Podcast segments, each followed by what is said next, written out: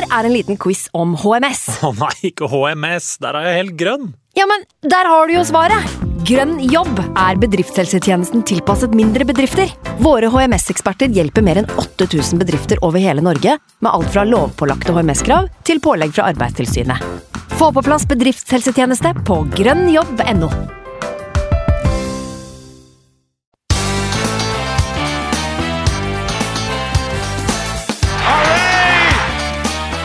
Bergkamp. It's up for grabs now! The next station is Arsenal. Hjertelig velkommen skal du være til en splitter ny episode av Arsenal Station med Sivert Skarstein Eriksen, Magnus Johansen og meg, Simen Goffeng. Da satt vi her igjen da, Magnus. De to gamlekæra som står i motgangen og, og leverer selv når det går trått. Eh, Der eh, Sivert, uten at vi skal henge han ut, har eh, prioritert eh, edle røde dråper i kveld. Eh, Så skal du og jeg ta på oss jobben med å ta denne Westham-nedturen, må vi kunne kalle det, litt nærmere i øyesyn. Hvordan sånn står det til med deg etter en dag med både dåp og kampseing i reprise? Det, først må jeg bare si til eh, Skarstein Eriksen at uh, du skulle vært her i 2020, høsten 2020, når vi hadde én seier på ti. Eh, nei, jeg tror, jeg tror han har grei unnskyldning for ikke å være her i dag. Eh, og for min egen del så er jeg egentlig ganske positiv. Uh, forutsetningen tatt i, i betraktning. Jeg har hatt en veldig fin dag med dåp yngste yngstedattera. og en hyggelig dag med familie og venner og sånn. Og så tenker jeg at forutsetningene eh, i ligainnspurten er ikke sånn veldig endra for Arsenal sin del. Vi må fortsatt reise til Etiad og, og få med oss noe. Forskjellen er at vi tåler nå ikke et poengtap til, sannsynligvis. Eh, sånn at jeg føler at slår vi Southampton på fredag, sju poeng, eh, reiser til Etiad kjempemulighet, ikke sant? uansett hvordan du vrir og vender på det. så Du kan ikke grave deg ned etter, etter en sånn, sånn match. Det det er min eh, hot take, for å kalle det det, i dag. Altså, når det kommer fra deg, så tenker jeg da er vi alle fornuftige hvis vi lytter. Eh, Jeg frykta jo at du i dag skulle være helt, helt på bånn. Jeg lurte jo på om Du hadde jo egentlig bedt om total radiostillhet eh, for å ikke bli avslørt noe for. Eh, Jeg lurte nesten på om jeg måtte bryte den bare for å la deg unnslippe. Jeg er var ja, rett og slett litt Mm. redd for eh, at hjertet ditt eh, og sinnet ditt skulle knekke sammen. Ta med den gamle, ta med den gamle kjøt, kjøteren rundt låvehjørnet og gi den en godbit, godbeta med en tablett i. eh, Og et eh, lite nakkeskudd, i stedet for å dra den med eh, når den kun har tre funksjonelle bein igjen ut på, jakt, på evig jaktmarker. Eller på jakt, jaktmarker. Uh, så altså, jeg så- føler eh, ja. du kunne, kunne gjort det absolutt, Simen. Uh, Syns det var litt dårlig av deg å ikke gjøre det. Ja, jeg syns jo du var inne på det før vi, før vi starta her. Eh, Hadde du en ganske god forklaring på hvorfor dagen kanskje ble hyggelig likevel. Altså dåp, grattis. Men så har du jo en annen datter også, som er noen år eldre, som gjorde at nedturen raskt ble glemt. Du må nesten bare ta en liten recap for lytteren også. Fortelle hvordan, eh, hvordan eh, det så ut i, i kjeller og stue hos eh, herr Johansen i i ettermiddag. Ja, hvordan kombinere familieliv med psykose. Eh, gjentatte psykoser, eh, gjerne på lørdag og søndag. Det, det er jo egentlig umulig, men når man har sånne nydelige barn som, som jeg har, eller et nydelig barn i alle fall, eh, sånn, for jeg kjenner hun minst er så liten, så vi får se hvordan det utvikler seg. Men hun eldste i dag kom jo ned i kjellerstua her eh, etter kampslutt og sa nå må du bli med opp, eh, pappa. Eh, det var en overraskelse til deg. Jeg sa beklager, jeg er, ikke i noen form for humør for overraskelser nå. Jeg har lyst til å sitte her og deppe og kaste gjenstander rundt meg. Det har jeg lyst til å gjøre nå. Det er det eneste som passer for meg akkurat nå. Og så går hun grinende opp trappa, da. Og da skjærer jo litt i hjertet, det må jeg innrømme det. Og så får jeg melding av samboeren om at nå, nå har du å marsjere opp den kjellertrappa. For nå Det her går ikke, liksom. Du kan ikke sitte nede der og, og være lynings når dattera di prøver å gjøre noe fint for deg. Kjellertroll, ass. Så kommer jeg opp, eh, så ser jeg midt på stuegulvet at der står det fire stoler med, som er eh, med en sånn type avstand som gjør at man kan legge tepper over og lage hytte. Så vi har lagd hytte til oss. Vi skal på hyttetur. Vi har satt opp sånne, sånne fake lys, sånne LED-lys, eh, som ligger på stearinlys. Kortstokk, eh, bolle med sjokolade, bolle med, med nøtter eh, og en haug med bamser. Da. Så nå skal de inn her og spise sjokolade og spille kort med meg. For jeg syns synd på det, fordi Arsenal ikke vant. Det er det hyggeligste jeg hører, faktisk. Altså, Jeg blir så glad, jeg. Vet ikke hva du har gjort eh, rett med den lille frøkna her. Eventuelt om det er Lene som har gjort jobben riktig. Men for, for en datter, Magnus. Ja, det var stort, altså. Og det klarte jeg faktisk å legge Arsenal bort. Og da snakker vi ti minutter etter, etter at jeg, min kamp slutta, for jeg så kampen i reprise. Eh, og det, det har ikke skjedd før, tror jeg. en- Når vi snakker en så dyp skuffelse som det tross alt var, da. Eh, Å lede 2-0 og ikke vinne og på mange måter gi fra seg initiativet i, i kampen om gullet. Så um, hjertelig takk til, eh, til uh, arvingen. Uh, du, Simen, har eh, hatt bursdag. Syns det er verdt å nevne, ja. da. Nå, nå blir det veldig mye waffles. Det ble jo men, eh, dårlig med gaver, da. Jeg sa jo at jeg var innstilt på å ta imot alt av gaver i dag, og ikke, ikke på fredag, da, som var dagen min. Men uh, ser ut til at jeg var en, eh, en slem gutt det forrige året, så det, det ble dårlig, dette her. Ja, jeg vet ikke hva du har gjort, det, Simen. Eh, kanskje brukt litt for mye tid på søndagskvelder med podding. Eh, kanskje har du ropt for mye i kjellerstua di, eller i stua di, som er del. Men uh, jeg syns du fortjener eh, en gratulasjon fra, fra meg og Sivert og alle som hører på, uh, utover det. Det fikk du vel opp. og Bra Ja, oppslutning var- på bursdagsposten, syns jeg. Jeg syns den var helt strålende. Jeg er ikke så glad i den oppmerksomheten der, egentlig, så det var nesten så det var litt sånn øh, ubehagelig. Men øh, det var vel et, det var vel et godt med... bilde fra, fra en bedre engelsk frokost på Little Wonder Café før match. En liten sånn øh, halvhard dagen derpå-dag. Så det var gode minner å, å se tilbake på uansett. høsta jo litt reaksjoner, det bildet. da. Det var jo enkelte som syntes du ligna veldig på noen. Eller ikke veldig, da, men 6,5 av 10 på vil, vil du avsløre det?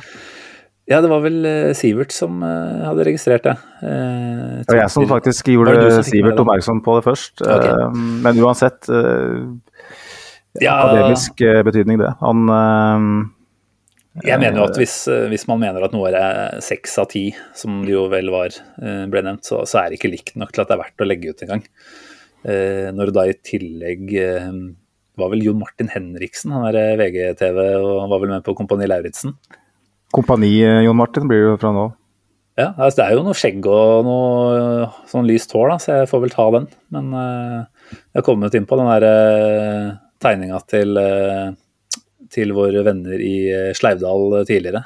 Og syns de var smårause med, med det man hadde i kinna. Det, det jeg jo på en måte bare blir eh, påminnet her, da. Ikke de løper, for du, Jon Martin. tre, du skal si at du løper 3000 meter raskere enn Jon Martin Henriksen. Det er ikke sikkert, faktisk. Nei. Det begynner å bli noen kilo på denne skrotten her også. Og det ble ikke bedre etter en bursdagshelg heller, så noen øl i fôret har det blitt. Jeg sitter jo med en her nå også, men den er, det er bare koseøl sammen med deg, og det, det er ikke så verst det heller. Men nok om oss kanskje, eller? Jeg jeg vil si det, det er jo egentlig hyggeligere å snakke om oss i dag enn en Arsenal, men eh, vi er jo ikke her for å snakke om oss. Vi er ikke det. Eh, aller først kan vi jo bare ta et kjapt, kjapt eh, påminnelse om supportklubben, supporterklubben Arsenal eh, Norway. Vi gjør det kort og gærent, Magnus. Ber alle som ikke er medlem om å melde seg inn. Det syns vi er på sin plass. Eh, det Mm. koster eh, ingenting å lytte på den podkasten her. Det koster selvfølgelig litt å se Arsenal i disse dager på Viaplay, men eh, foruten det så er de 250 kronene i året en ganske grei sum å avse for å være kobla på eh, et eh, reelt Arsenal-miljø. Det må jo vi si, i hvert fall, som har vært medlemmer i, i år og dag. Så med de kjente fordelene der, vi trenger vel ikke gå inn på det igjen i dag, så er det bare klart og tydelig fra oss at eh, det tallet på antall medlemmer, det må fortsette oppover. Og de av lytterne som ikke har gjort den lille jobben det tross alt er å, å registrere medlemskap, de kan bare ture rett inn på gunners.no og gjøre det mens de hører på den poden her, egentlig. Get in there. Og gjør som Simen sier. Og så, Simon Cess er vel noe som heter, så det er vel bare å fortsette med den oppfordringa. Yes. Um, match, Simen. Uh, vi, må, vi må hogge tenna i den uh, myggende bløtkaka her òg. vi må det. Uh, og som du egentlig er ganske fornuftig inne på her, så kan man jo på en måte prøve å, å se det store bildet. Eh, det må vel kanskje Vi må bare gjøre det, eh, i hvert fall etter hvert. Men en liten gjennomgang av tingenes eh, Det som skjedde på, um, på London Stadium, det, det må vi faktisk gjennom, da. Skadeproblemene. Jeg skal ikke si at de ingen ende vil ta, men med to av fire i den faste backrekka ute, så, så, er det jo ikke lyst når man går inn til kampstart her, med Sinchenko også ute med noe lysketrøbbel. Mm. Tierney som kommer inn der, det er jo på en måte ikke det som gjør at man tenker at shit, her ryker alt. Men igjen, da, det er plutselig 50% av den riggen som man er mest kjent med, eh, borte. Og Tierney vet vi også at det er god på sine ting, men han er også en eh, fattigmanns Zinchenko når det kommer til å invertere og, og bidra i det oppbyggende spillet. Så jeg vet ikke, var det sånn at du når du så lagoppstillinga, vet ikke hvordan det egentlig funka for deg som så det i reprise, om du egentlig gadd å bruke tid på det, men, eh, men reflekterte du litt over at eh, jobben med å bryte ned Westham kunne bli, bli hakket vanskeligere da?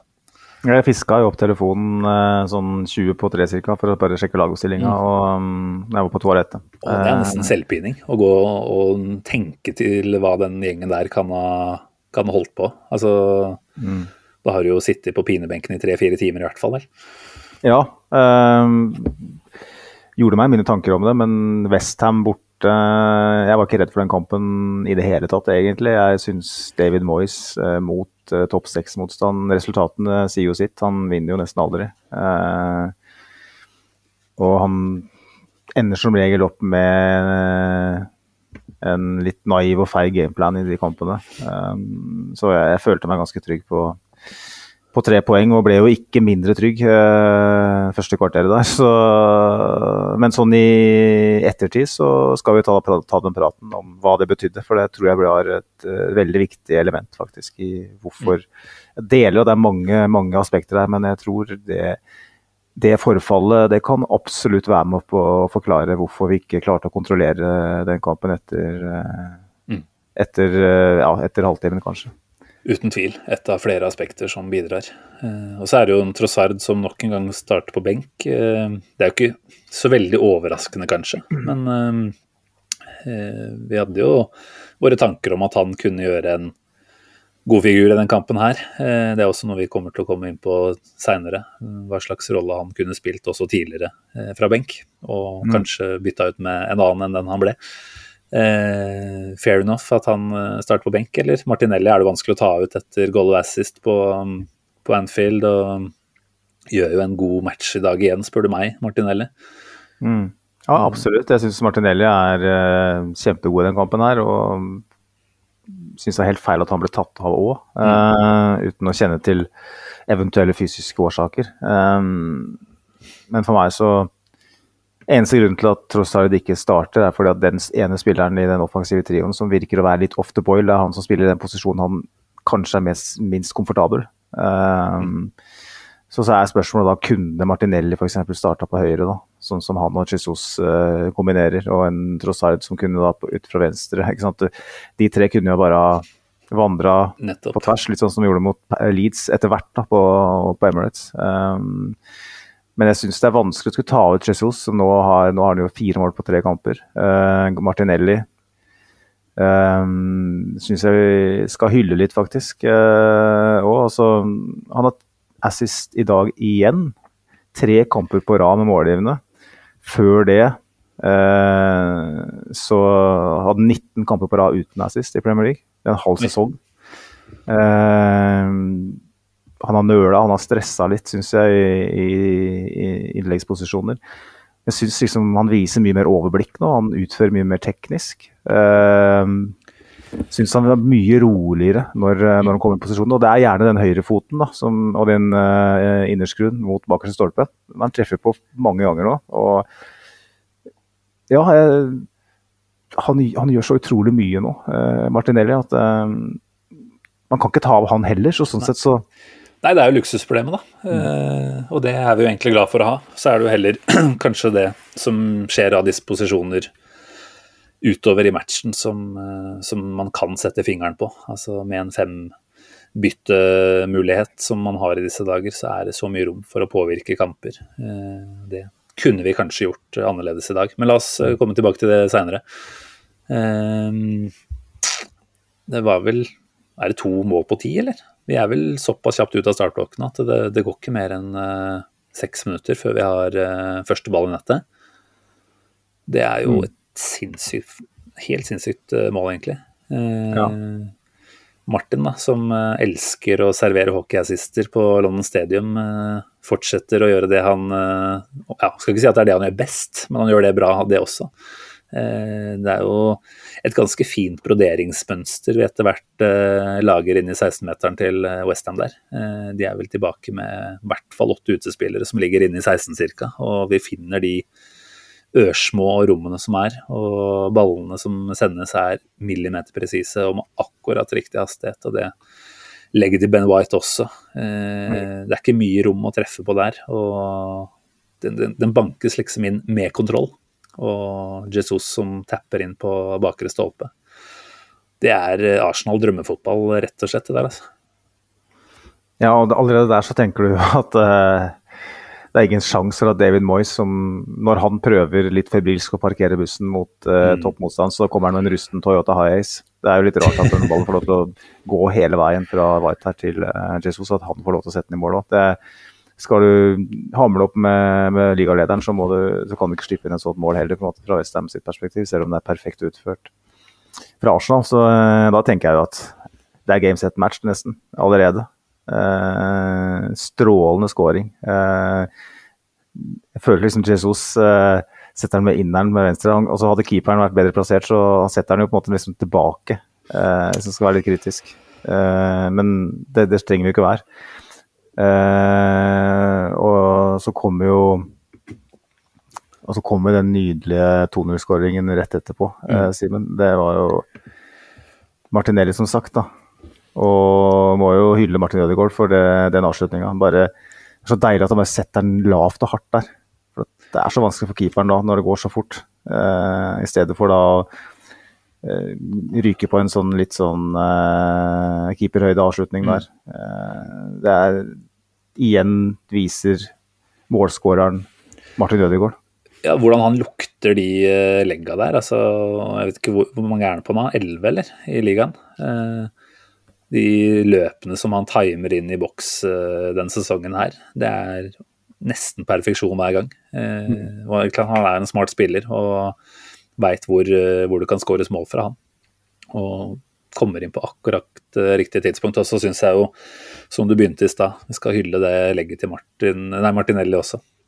Eh, både mot Liverpool så er det små marginer eh, å treffe på inni der. Eh, på må, det ser ut som han sikter på bakre stolpe og på Martin Ødegaard som er på vei inn der.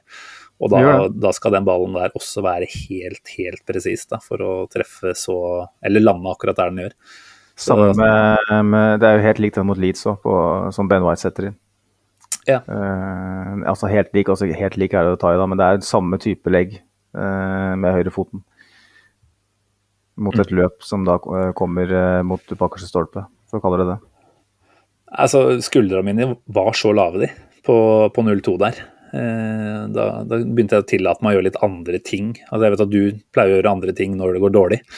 Eh, men, men, nå kunne jeg liksom Ja, jeg skal bare fly og hente akkurat den tingen der. Og det var liksom ikke noe bekymring igjen i meg. Eh, dette her hadde vi så stålkontroll på. Og, og det er jo ikke sånn at vi skrur av direkte etter den 0-2-skåringa heller. Vi fortsetter jo å være gode i 10-15 minutter til. Er som en bisverm i gjenvinningsbildet hvor vi, særlig med Martinelli eh, og Jesus, eh, presser Westham eh, fram til farlig balltap flere ganger. Mm. Så, så, det er liksom ikke sånn at det er en bryter som ser ut til å trykkes på etter den 2-0-skåringa og man tenker at jobben er gjort. Men så sniker det seg jo inn gradvis gjennom den første gangen en større og større Kall det arroganse, kanskje. da, Jeg vet ikke helt. Tanke om at eh, man har noe å forsvare her. Jeg vet ikke. Eh, det mentale her spiller nok helt klart en stor rolle. Eh, men føler på en måte at den handlingen til Thomas Party i forkant av den straffesituasjonen hvor Westham får, får straffespark, den oppsummerer på en måte at her, her blir vi for arrogante, da, rett og slett.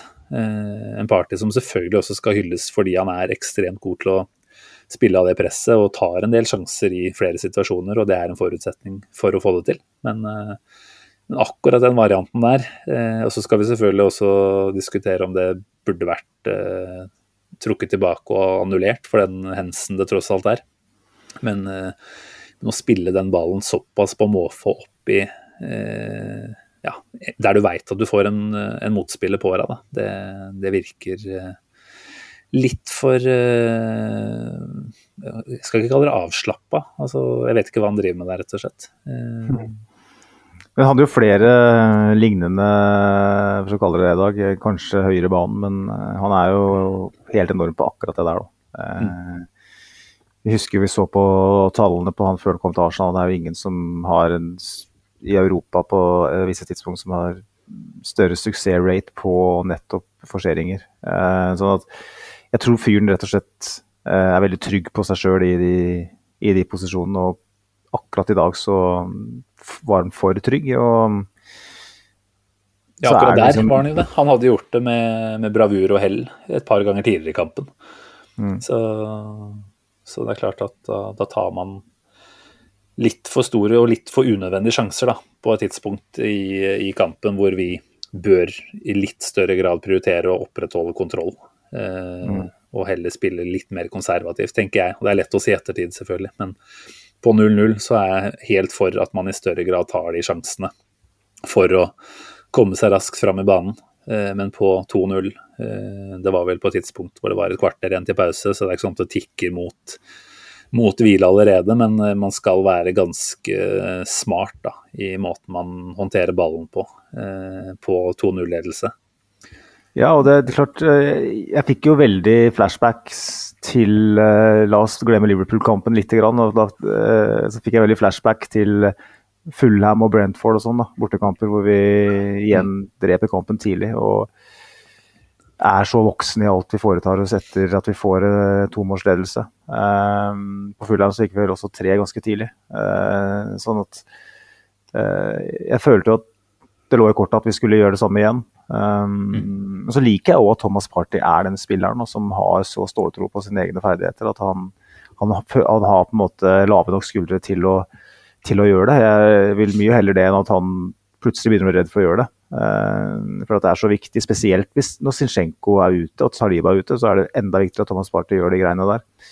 Um, og det er klart det er, han blir brutalt straffa òg, da. Uh, den ene gangen han han gjør en feil. Eh, hadde, den ikke blitt så brutalt straffa, for å kalle det det, så, så hadde, vi ikke, hadde, vi glemt det allerede. Mm. Eh, fotball er veldig marginalt, og, og det øyeblikket viser seg jo å kanskje være vippepunktet i, i, matchen for alvor. Eh, litt sånn som eh, målet Liverpool fikk før pause i, i, forrige uke. Det er Spesielt borte så skal man være veldig forsiktig med å eh, Dele ut lillefingre?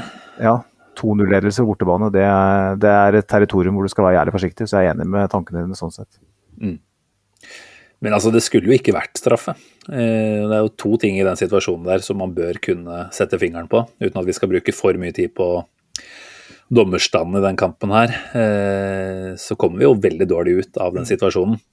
Eh, vi må jo anta at den, den situasjonen med Party og Rice sjekkes av VAR. Eh, så vidt jeg kan huske, så ser man ikke noen kjempegode bilder eh, i omgangen der. Eh, Nei, jeg så ingenting. Men det er vel først i pausen, hvis ikke det var på Twitter et eller annet sted man kom over det, at man ser dette bildet bakfra. Hvor det helt tydelig er en arm litt ut fra kroppen. Ikke veldig mye, men den er i en liten bevegelse. Og den treffer jo åpenbart ballen også, den armen. så at den da ikke blir tatt Enten må det være at de er så ræva på å finne bevis, at de rett og slett ikke har sett det. Eller så er det jo dette med at det skjedde langt nok tilbake i, uh, i spillsekvensen til at man mener at det ikke uh, skal være nok til å, til å dømme. Da. Sånn som, uten at det er helt riktig sammenligning, så, eller en helt lik sammenligning, så husker vi jo det Martinelli-målet på Old Trafford som ble annullert for den taklingen til Ødegaard i forkant, ikke sant. Mm. Eh, den, den var jo lengre tilbake i sekvensen enn den i dag. Da. Men den har jo også dommerstanden vært ute og beklaget i ettertid. Så det kan være at det er det som ligger til grunn for den, rett og slett. Da. At den ikke var nær nok den avgjørende situasjonen. Det er veldig nært allikevel, da, syns jeg. Det er jo, det er han direkte, som vinner ballen der. Ja. Og sender ballen i, den, i, det rommet som gjør at Gabriel da tar, tar uh, Var det Benrama? Ja. Nei, Paketa var, var, det vel, ja. Fellow Brazilians, ja. som uh, ikke dansa spesielt vakker samba der. Må jo bare si igjen der at uh, Paketa også gjør absolutt alt han kan da, for, å, for å få den kontakten. Mm. Det ser ut som han, han skifter uh, løperetning nesten, fordi han veit at han får noe inn der. Og Gabriel som trekker til seg alt han har egentlig av kropp, uh, hadde jo ikke truffet eh, Paketa hvis, han hadde, hvis Paketa hadde løpt der han egentlig planla å gjøre det. Nei, men det, dette er nok noe de aller fleste ville gjort. Er redd uh, i den ja, og, situasjonen. Men det er et, et problem, kanskje. Men uh, jeg forstår jo at, uh, at den gjør det når dommeren først har, eh, har, blåst, så ser du aldri at den blir eh, dratt eh, tilbake igjen. Så greit nok, da var det straffespark. Er du trygg eller på Ramsdale eh, på straffer? Eh, personlig så er jeg vel kommet dit nå at eh, jeg blir positivt overraska bare han hiver seg riktig vei. Uten at jeg har helt oversikten på det, så bare sitter jeg med følelse at han stort sett slenger seg feil vei. Ja, det er helt riktig. det er lenge siden Arsenal har hatt en førstekeeper som er god på straffer. Det skal sies. Eh, Chesney var kanskje ok. Eh, Fabianski var dritgod. Eh, men han sto jo stort sett ikke i lange perioder. Da. Men eh, vi hadde jo Peter Cech i et par sesonger, og det, jo, det er jo des, desidert største potetsekken i fotballhistorien på straffer. Eh, Bortsett fra så, den ene mot Troy Dini, da. Vi skal ikke glemme den. Den var deilig. Ja, det er så deilig. Altså, åh, det øyeblikket. Ram det inn og heng det på veggen, som Svein Mathisen ville sagt back in the days. Uh, og så har du jo den um, godeste Leno er jo jeg ikke han er en dårlig straffekeeper, men uh, jeg husker, kan jo ikke huske at han redda så jævla mange heller. Eh, Almunia var jo bra, men på straffer. Han var ikke så bra på så mye annet. Men det er sånn eh, føler at Ramsdale definitivt tilhører en kategori med en lang historikk etter hvert. Marshall-keeper som er ræva på straffer. Han gjorde det ikke spesielt bra i straffekonken mot Sporting heller. altså, apropos potetsekk, mm. han så ut som veide 200 kg noen ganger der. når han seg. Og så ser du ham i, i, i, ordinært spill, så er han jo Spiderman nesten. ikke sant? Så det, det, er, eh, det er et område hvor han absolutt uh, kan jobbe. Det er jo fint når sånn som Fernandes og Salah som ikke klarer å treffe ramma. Uh, og da jubler han som han skal redda, selvfølgelig. Ah, det også er deilig, vet du. Nydelig fyr, men uh, ikke den beste straffesparkkeeperen uh, enn så lenge. Nei. Nei da, gutten er 24 vel, så han skal få lov til å ha forbedringspotensial på noen områder òg. Det, det, er helt greit, det. Uh, du merker jo da, som sagt, altså, at vi, vi, begynner å miste litt grep om det allerede rett før den skåringa. Uh, etter så føler jeg vel at det nesten bare er Westham inn mot pause. Ja, jeg klarer å huske det helt, så, så skjer jo altså den derre mentale tingen da, som man snakker om og leter etter. Eh, hva er det som skjer? Eh, da sitter jeg i hvert fall med, et, eh, med, en opplevelse av at her er det nå en gjeng som, som begynner å tenke litt for mye på hva de har å forsvare. Det var jo noe de i Viaplay Studio prata en del om, om det var før eller underveis, jeg husker ikke helt det. Men eh, dette med å jage kontra å bli jaget. Jeg tror ikke vi skal si at det er noe galt med innstillingen og den jobben som gjøres inn mot kamp. Altså å gå opp i 2-0-ledelse både på Anfield og eh, på London Stadium og se ut som en million egentlig i den første halvtimen i begge de kampene. Eh, det tyder jo på at Arteta har klart å skape riktig mental innstilling og riktig mindset med tanke på at vi ikke nødvendigvis skal være redde for å gå ut der og, og, og gi bort noe. Altså, vi, vi, skal ut og angripe og, og rett og slett bare være oss selv. Men når disse ledelsene dukker opp, da sniker det seg inn, får man en følelse av. da, Og igjen, det er veldig lett å sitte her og, og tenke hva andre føler. Det er i hvert fall det jeg føler. Og det er vel mm. kanskje det som blir eh, jeg blir mest prega av, naturlig nok. Men eh, men det virker som vi, vi blir litt lamma, på samme måte som vi blir på Anfield. Eh, og på Anfield så snakka vi om at det var anledningen, stadion, ikke sant. Disse klassiske argumentene med at det er Anfield. Eh, men når det til en viss grad da skjer igjen, og det merkverdige er at det da det å, det å gi bort tomålsledelser, eh, det er noe som ikke har skjedd under Arteta på noe tidspunkt tidligere. Altså, beklager at jeg ikke husker Det var en engelsk Twitter som la ut noe på dette her. At på på tre og et halvt år under Arteta så har vi ikke gitt bort en tomålsledelse. Mm. Og nå har vi nå klart det to ganger på to uker. Eh, da, da er det jo lett da å trekke en konklusjon om at her har også gjengen utpå der begynt å tenke litt for mye på hva som står på spill. Ja, det, det kan godt hende det, altså. Eh, jeg syns det er for, forrige uke så ble vi jo litt beskyldt Simon, for å henge oss litt, opp, litt for mye opp i, i, at det var en anledning, ikke sant. Mm. og gidder ikke å ta den debatten igjen, men jeg føler at i dag så, så kan vi ikke si, si det samme. Um, jeg syns jo London Stadium er mer som en sånn uh, juletallerken hvor det er noen tyttebærrester uh, hissen og pisten rundt uh, på kanta, liksom. Hvor det er Westham-supportere som gidder å synge. Det er en wokpanne, uh, føler jeg. Liksom, den, er ikke, den, er ikke, bratt og intim, det er liksom en sånn jevn, slak wokpanne i, i, utforming. Ja. Eller juletallerken. Jeg, jeg, jeg, tenker juletallerken, du tenker wokpanne. Det er litt Det er det er ikke helt det er ikke skummelt. Det er ikke skummelt. Og um, jeg tror jo det er mer uh, i Westham som justerer uh, litt, grann, og et Arsenal som ikke helt klarer å svare. Jeg tror det har like mye å si i dag. Uh, så er det jo svakt av Arsenal å ikke tåle å få et reduseringsmål på, på bortebane. Eh, kanskje de kampene tidligere i år hvor, som vi nevnte, Fulham og Brentford og sånn, så så, så, har vi ikke fått reduseringsmål imot.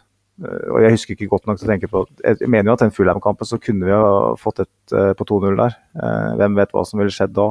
Mm. Er, fotball er så jævlig marginalt. da. Så får du reduseringsmålet, og så er det på en måte gnisten som tennes hos hjemmelaget. Og um, ja, og de, de, lever jo på den gnisten eh, både resten av første gang og de første minuttene av andre gang. Det er jo sånn at de kommer ut og, og er betraktelig mer påskrudd enn det vi er eh, rett etter pause. Men til tross for det, da, så, så går det jo ikke mer enn fem-seks minutter, er det vel, før eh, vi får straffespark. Eh, oh. Martinelli som, eh, som Det er vel etter en corner, sparker ballen opp i armen på Antonio. Helt grei mm. straffe. Mm. og da, da, sitter vi da plutselig i en uh, posisjon hvor vi på ny egentlig får en liten matchball da, til å slå luften ut av Westham, som har kjent på at de kommer seg tilbake i kampen, og vi da nesten står med en ny knockout-punch eh, på dem. Da. Gabriel Jesus var det vel som holdt i ballen. Eh, og nå har vi jo lært oss til at den som holder i ballen, den kommer ikke til å ta straffa. Så det var for så vidt greit. Eh, mm. Jeg, følte jeg, jeg ble stressa når jeg så Gabriel Jesus holde ballen. For jeg synes den straffa, Han er ikke god på straffer. og Den straffa han satte mot Leeds var jo egentlig ganske dårlig. Så jeg tenkte vær så snill, gi den ballen til Saka, da, mann. Det gjorde han. ja, du ble hørt der, du. Eh, igjen, litt uforklarlig. Det er sånn, det skjer. Folk bommer på mm. straffespark, og Arteta sa det etter kampen. Alle som tar straffer, bommer. Til og med Tony bomma på straffe her om dagen, ikke sant. Så det skjer. Ehm, men at det, det skjer på den måten, eh, på det tidspunktet der, eh, gir jo bare Westham fornya tro på at her kommer de til å få med seg noe. Og da, da går det vel ikke mer enn et par minutter faktisk før de er oppe og, og er à jour på 2-2. Mm. Nei, altså um, Vi har jo selv vært i, i situasjoner hvor motstanderne har uh, brent straffespark og, på Emirates, og vi har uh, virkelig eh, benytta anledningen etter det. Jeg husker jo Almunia mot Tottenham i back in the days når Bentner hedda inn på corner rett etterpå. Og sånn, og det er sånn, Klart det er jo Derby, da, men det er jo øyeblikket, ikke sant. Eh, vi kan snakke oss i hjel om alt annet som skjedde i den kampen her. Men setter Saka den straffa, som man gjør ni av ti ganger, så vinner Arsenal den fotballkampen her. Det er så brutalt er det, så marginalt er det. Og da er det jo kanskje heller svakt av at vi på en måte altså, Som ligautfordrer ikke er sterke nok til å tåle den straffemissen. Men den straffemissen er, den er åpenbart helt avgjørende for at vi ikke, at vi ikke vinner. Og det spesielt var helt åpenbart for alle at, at Arsenal hadde vansker eh, i den andre omgangen. Vi fikk da den eh, Kall det get out of jail free card eh, som vi mm. trengte. Uh, sett den, og så kan vi senke skuldrene og ta med oss tre poeng. Ferdig. Uh, så ja, det er, det er sånn det er, det, er, det et spark på ballen som vi, som vi, kommer til å huske hvis vi ikke vinner ligagullet. Så, så, så, brutalt er det. Mm. Saka har jo vært, uh, må jo kunne si det, litt ute av form nå over flere kamper. Vi har jo tenkt at han kanskje har sett litt sliten ut, og han hadde jo en periode hvor han spilte veldig mye. Eh, men så har det på en måte mm. nå blitt eh, fornuftig mengde spilletid, og allikevel så, så, ser han ikke ut til å være helt Og dette er fra hans høye standarder, må vi jo kunne huske på, så det sier jo litt om hva vi forventer av han selvfølgelig også, da.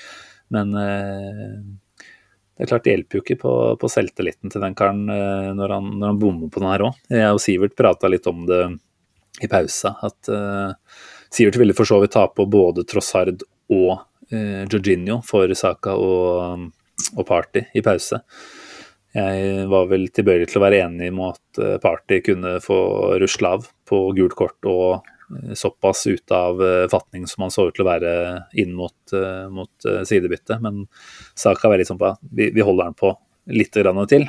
Og så får man mm. eventuelt gi han de første 10-15 å se, da. Og så, så brenner han jo denne her da etter en 10-12, da. Selvfølgelig hadde det vært knallhardt å ta av han på det tidspunktet der. Eh, kanskje skulle man gjort det før. Eh, jeg syns jeg så et hode som begynte å henge litt mer på saka etter straffemissen. Det kom jo bytter, men saka blir stående på. Og igjen, dette er jo på ingen måte Nå forskutterer vi kanskje litt for mye her, med tanke på at vi hopper over 2-2-skåringa, men, men, at saka blir stående hele den kampen her mens eh, Martinelli, som er livlig, for Han må vel av etter 65. Uh, Jesus etter hvert Nei, unnskyld, nå tuller jeg. Det er vel Trossard som kommer inn for Jesus uh, først, da. Og så ja, går Martinelli av senere. samme som vi for så vidt så mot Liverpool. En Saka som hadde en litt off day, og som da gjør at eh, man mister, ved å ta ut Jesus, uh, det åpenbare opp, oppspillspunktet, og en som er en fare og er en større bidragsyter, må vi faktisk kunne si, enn en Saka i oppspillsfasen. jeg tenker jo at Arteta, uten at jeg skal sitte her og være kjepphøy, misser litt igjen. og mm. kanskje enda mer overraskende at han misser i dag, når man ser at det byttet ikke hadde ønska effekt mot eh, Liverpool. Eh, hva tenker du går gjennom huet på, på Arteta når han eh, lar Saka spille hele kampen i dag? Jeg tror Arteta prøver å skape et beist og en worldbeater i Saka. Han har vært veldig tydelig på det at de beste spillerne i verden skal tåle å spille 65 kamper i, i året. Um, men jeg tror det er viktig å tenke på at Saka fortsatt er eh, Er det 21 eller 22? Um, og vi så en Saka på slutten av fjorårssesongen som hadde spilt alt. Eh, som begynte å, å, dippe litt de siste fem-seks kampene. Mm. Eh, og utvilsomt tegn som tyder på det samme nå. Eh, jeg syns i dag spiller han sin svakeste kamp for Arsenal kanskje noensinne. Uh, jeg har nesten aldri sett Saka så svak som han var i, i, dag. Han fikk nesten ikke til noen ting. Uh, eller ja, det er kanskje hardt å ta i, da, men jeg syns han var Så den kontringa òg, som kom uh, var det rett etterpå Den føler jeg oppsummerer hengehodet, som jeg var inne på tidligere.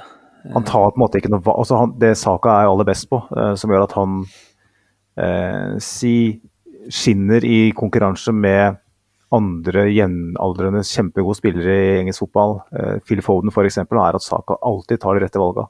Den store, store forskjellen. og han evner ikke å ta et valg i det hele tatt i den kampen. Han nøler. Eh, spesielt i det øyeblikket, den kontringa, så nøler han så voldsomt.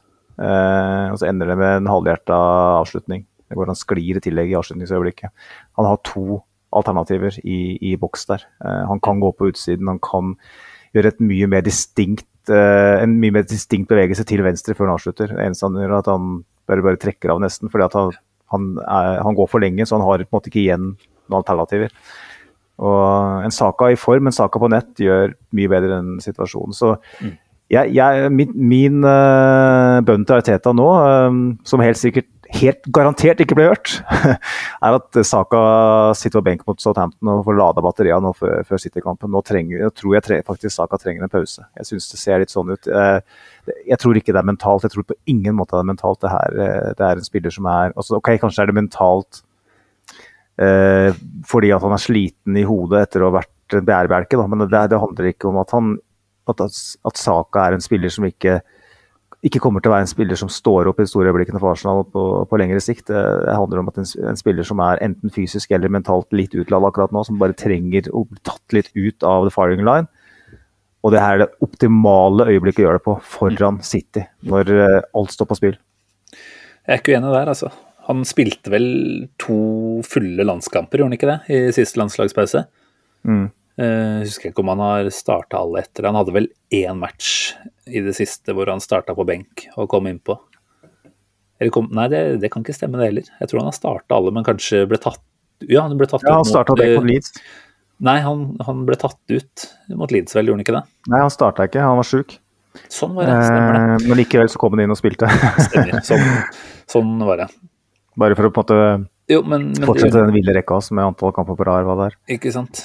Eh, jeg er helt enig med deg. Jeg tenker at han ikke som en straff, men rett og slett som eh, en måte å maksimere det saka kan være mot City. At han skal kunne få seg en ørliten eh, pause nå.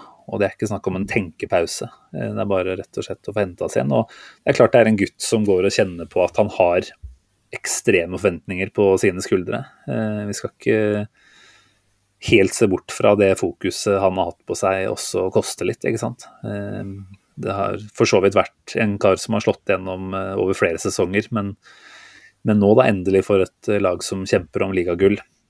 Han er gullgutten fra akademiet. Og det er klart at det medfører ekstra mye oppmerksomhet, og han er nok veldig klar over hva som, eh, hva som stilles av forventninger i omgivelsene rundt. Da. Og kan hende at det, ja, det blir et ja, press, da, på sett og vis, som man ikke bukker under for, men som gjør at det blir litt for mye tvil, kanskje. da, Litt for lite besluttsomhet uh, i noen situasjoner. Mm. Mm. Men uh, jeg tror, jeg, jeg, sa det jo før den kampen her òg, at jeg tror Saka kommer til å ha en pangmatch i dag. Jeg tror han der vi kanskje ikke får alt, uh, all den hjelpen vi trenger i det oppbyggende fra Zinchenko, da. Og med en Saliba ute fortsatt, at Saka er den som kan dra på og virkelig være en, en enkeltmannsprestasjon som, som, tar oss til tre poeng i dag. Det skjedde jo ikke, og det var ikke tilfellet, men jeg tror fortsatt han er en som har det i seg i opptil flere kamper eh, resten av denne sesongen her. Så det er bare om å komme inn på riktig spor igjen. Skal vi ta med et lyttespørsmål her, Simen? Jeg satt og scrolla gjennom på Twitteren vår eh, angående saka. Eh, Marius Torp eh, på Twitter eh, skriver etterpåklokskap, klokskap lenge leven. Men Saka hadde ingen god, god kamp. Burde ikke Jesus tatt eh, den straffa? nå har jo nettopp jeg sagt, sagt at jeg ble jævlig glad når han ikke tok den, men hva tenker du? Altså, nå er det jo en kø da, på den uh, straffetaginga der. Og jeg tenker at man skal holde seg til den. Uh, om noe så hadde det straffesparket vært akkurat det Saka trengte for å mm. komme ørlite grann uh, ovenpå en. Så jeg skal ikke si at det er et feil valg. Om noen, hvis jeg skulle bytta, så ville jeg faktisk hatt Martinelli inn for den straffa. Det er vel ikke mange han har tatt, men uh, det er et eller annet med hans uh, vesen uh, som gjør meg ganske trygg når han står på, på 11-metersmerket. Så ja. Jesus syns jeg skulle fått uh, Han tok jo den ene mot Palace eller noe sånt, eller? Hva var det du fikk imot sist? Leeds eller Palace, uh, var det vel? Det var Leeds, ja. ja. Og det var jo ikke noe kjempestraffe, det heller, vel? Nei, så, det var grusomt. Det sa jeg nettopp i stad At uh, hvis keeperen er litt smartere der, så, så er det en enkel redning. Mm. Han han, fin, han tror han finter under keeperen, men han sender den egentlig i samme retning keeperen kaster seg. Bare at keeperen kaster seg han, han, tror jo at han skal sette den i hjørnet, men han satt den da midt i mål. Så, du kan jo Alle straffer som går i mål, som ikke keeperen er borte, kan man alltid si at det er god straffe, men um, jeg syns det var en veldig suspekt straffe. Uh, så jeg føler jo at uh, du har dine ord i behold. Jeg syns Saka, Saka, skal skyte straffe for Arsenal uh, fortsatt. Martinelli er et godt shout, og jeg tror kanskje til og med Granit Saka ville vært en Oi. Det er jo spennende shout. Altså det jeg tenker sånn generelt om straffer, er at man har en, man har en lineup der som man i utgangspunktet har avklart på forhånd.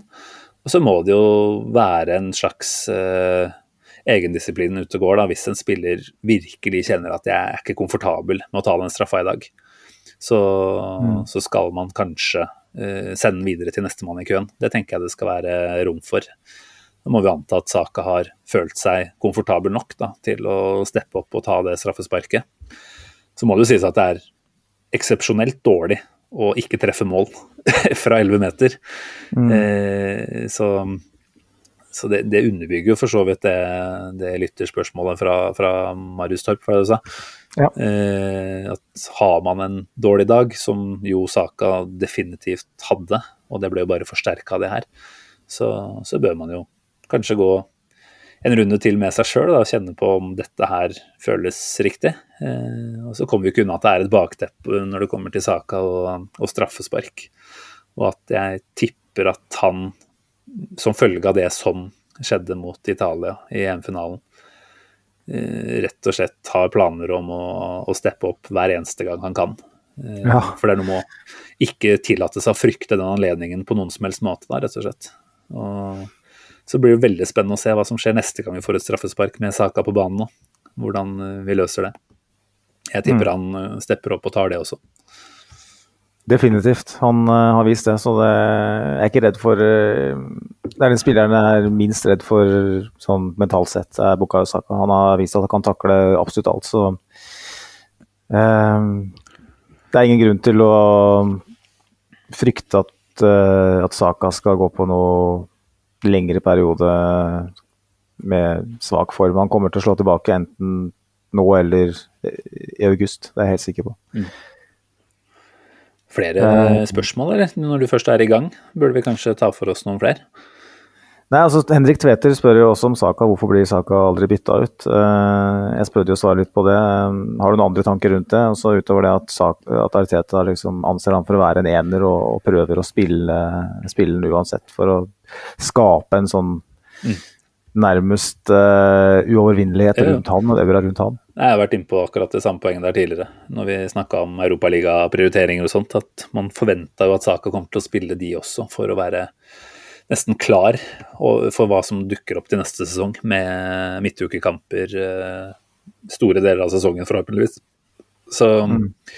handler jo selvfølgelig litt om det. Det handler jo litt om at man ikke har den type Saka-spiller eh, Eller den typen Saka er som en eh, backup på benk, da.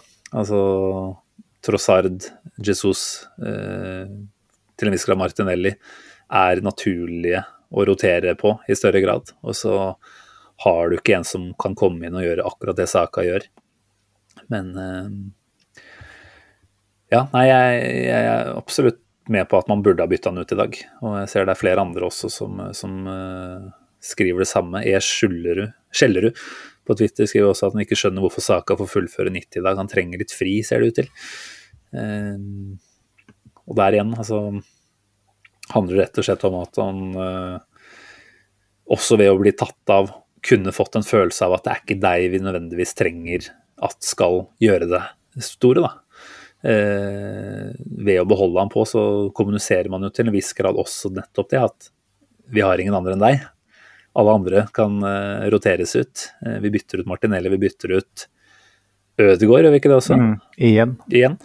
Eh, men Saka, han skal spille. altså Det er mange gode grunner til det. Men jeg tenker også at det går an å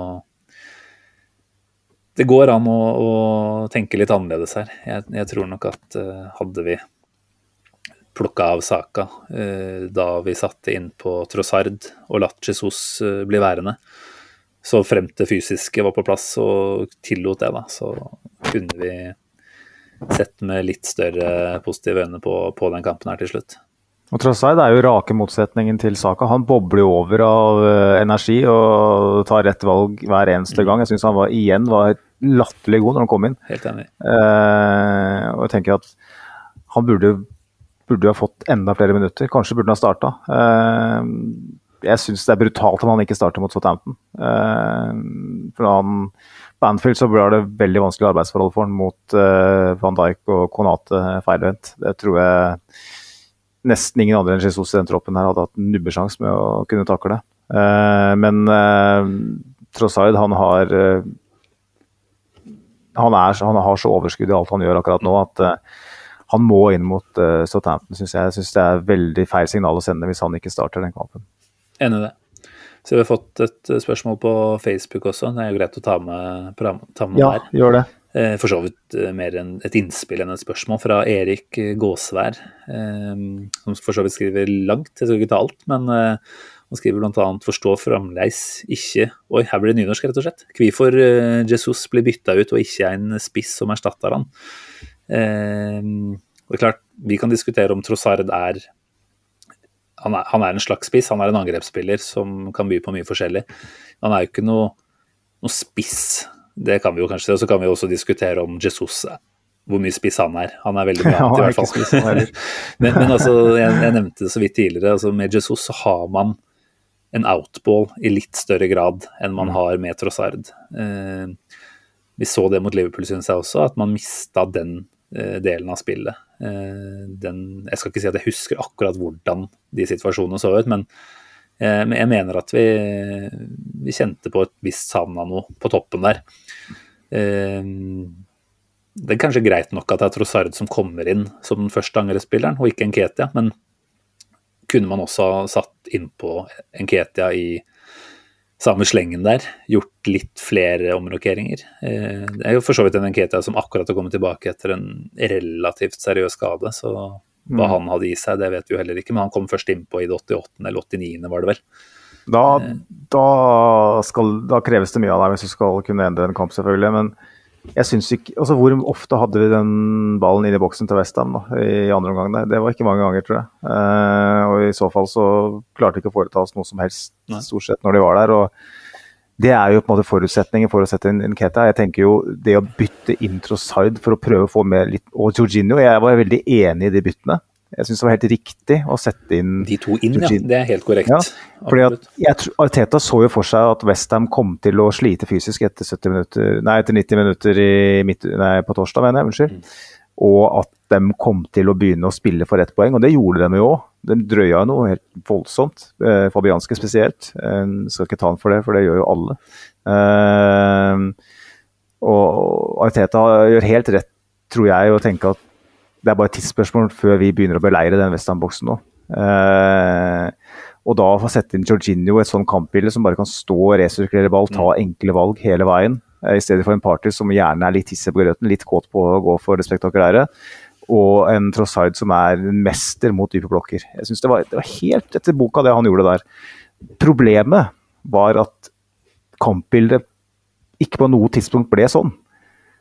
For jeg tenker at Hadde man først kommet i den situasjonen at man hadde det balletaket, da hadde mm. Nketia kommet tidligere. Mm.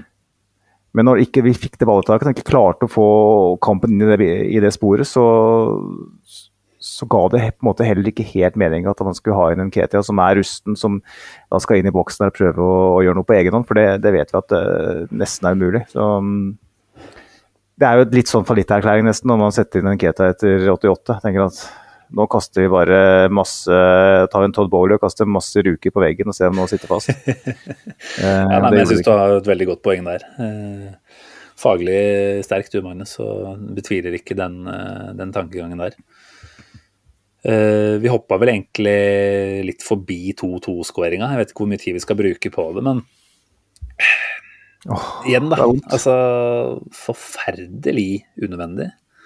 Eh, et langt innkast som blir klarert fra, fra Gabriel. Eh, han er veldig hissig på å dra ut eh, og flytte opp linja. Jeg antar at det er Gabriel som har linjeansvar. Jeg vet ikke hva du tenker der, men jeg ville trodd det, i hvert fall. Mm. Som den absolutt største kontinuitetssperreren, så jeg vet ikke. Nå skal jeg sitte her og være veldig forsiktig med å tro at jeg veit noen som helst om fotball. Eh, men, eh, men, tanken min ville det vært at det var naturlig at det var Gabriel som hadde et slags ansvar for å, for å sette linja, da. Um, han drar ut. Både Ben White, Tierney og Rob Holding er ikke i nærheten av på linje med han. Så når da den ballen spilles inn igjen i feltet, så er jo Bowen ikke i offside. Um, og likevel, da, selv om Gabriel har flytta et par meter lenger ut, så er han den som ender opp med å være nærmest Bowen i avslutningsøyeblikket. Mm. Uh, Tierney, i mine øyne der, skrur veldig, veldig av. Og gjør et litt halvhjerta forsøk på å komme seg inn igjen også. Så det, det må jeg si at det er skuffende fra en som i mine øyne virkelig har det defensive som sin eh, forse da, i, i, spillet. Jeg eh, vet ikke hvordan du så den situasjonen der. Altså, det selvfølgelig føles ut som et veldig unødvendig mål å slippe inn. Er det, er det sånn at man kan tillate seg å gå etter enkeltspillere her, eller er det rett og slett bare en uh, smart bevegelse fra Bowen som, uh, som resulterer i scoring? Bowen var jo den ene spilleren du frykta litt før matchen. Um, og sånn sett så den ene lille positive tingen jeg så ved at Tierney spilte fra start, var at ok, da får vi en, en uh, god én-mot-én-forsvarer mot, mot uh, Jared Bowen i stedet for en Zinchenko som skal spille midtbane. Nå viste det seg at uh, Tierney da prøvde å være Zinchenko og ikke lyktes veldig godt med det. Og um, kanskje er det litt årsaken òg, at um, han er ikke helt i sitt element i den rollen. Um, mm. Men eh, jeg, utover det er jeg helt enig med din analyse. Jeg har ikke noe å legge til, egentlig. Det er helt riktig som du sier. Så, mm, og, og, da er, og da er det jo rødlampealarm i, i Arsenal-leiren. Eh, der er det 2-2 og momentum hjemmelag og, og, så videre. Så det Nei, det var um, skuffende, rett og slett. Og vi har jo Jeg tror vi skal vente, vente til etter etter match Vi har jo på en måte snakka litt om hva vi gjør etter 2-2. Eh, så har vi fått en del reaksjoner på Twitter, eh, spesielt på, på hvorfor vi hvorfor vi ikke klarer å holde på den ledelsen. Da. Det går jo litt mer på det mentale, som du er inne på. Um, det ser ut som vi løper i sirup etter det, syns jeg. Altså, og igjen, Det er jo ikke det at vi skal være slitne, så, så at beina fortsatt burde bære, det, det, burde det ikke være noen tvil om. Men det er nok den derre mentale blokka som bare legger seg over dem da, og, og gjør at ting blir vanskeligere. Jeg ser på der vi var veldig gode i starten og var gode på press og, og avskjæringer og, og, vinne ball, så, så, avtar jo det veldig eh, etter hvert som kampen skrider fram. Jeg ser på interceptions totalt sett eh, 90 minutter under ett her, så havner jo Westham på 15. Vi eh, har bare tre stykker. Ja, det er et ganske tydelig bilde. Mm. Det var eh, fra altså de første 10, 15, 20 så er vi kjempegode. Eh, men så er det akkurat som ja, dyret da i, Westham våkner, eh, og de er on the front foot og mer kapable enn oss, dessverre, da, til å, til å avskjære når, når vi prøver å spille oss fram det går litt for sakte, litt for upresise. Eh, det var flere tilfeller hvor Tierney prøver å spille ball videre ut på venstre, og, og den blir eh, plukka. Så ja, nei, vanskelig å sette fingeren på én ting her, annet enn at man liksom lander på at alt blir en sånn suppe av mentale si mentale problemer. Jeg Kanskje drar det vel langt der. Men, mm. eh, men det sitter i huet, det er jeg helt sikker på.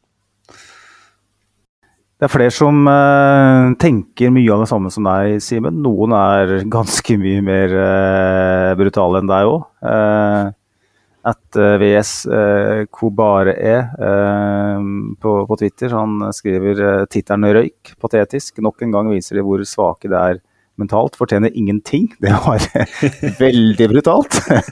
Beklager at jeg ler, men jeg syns at det der er litt over det topp. Kan man teknisk sett si at uh, vi fortjente et poeng, sånn ut ifra XG og sjanseskaping totalt sett i den kampen her. Så det, det var å være ja. litt streng.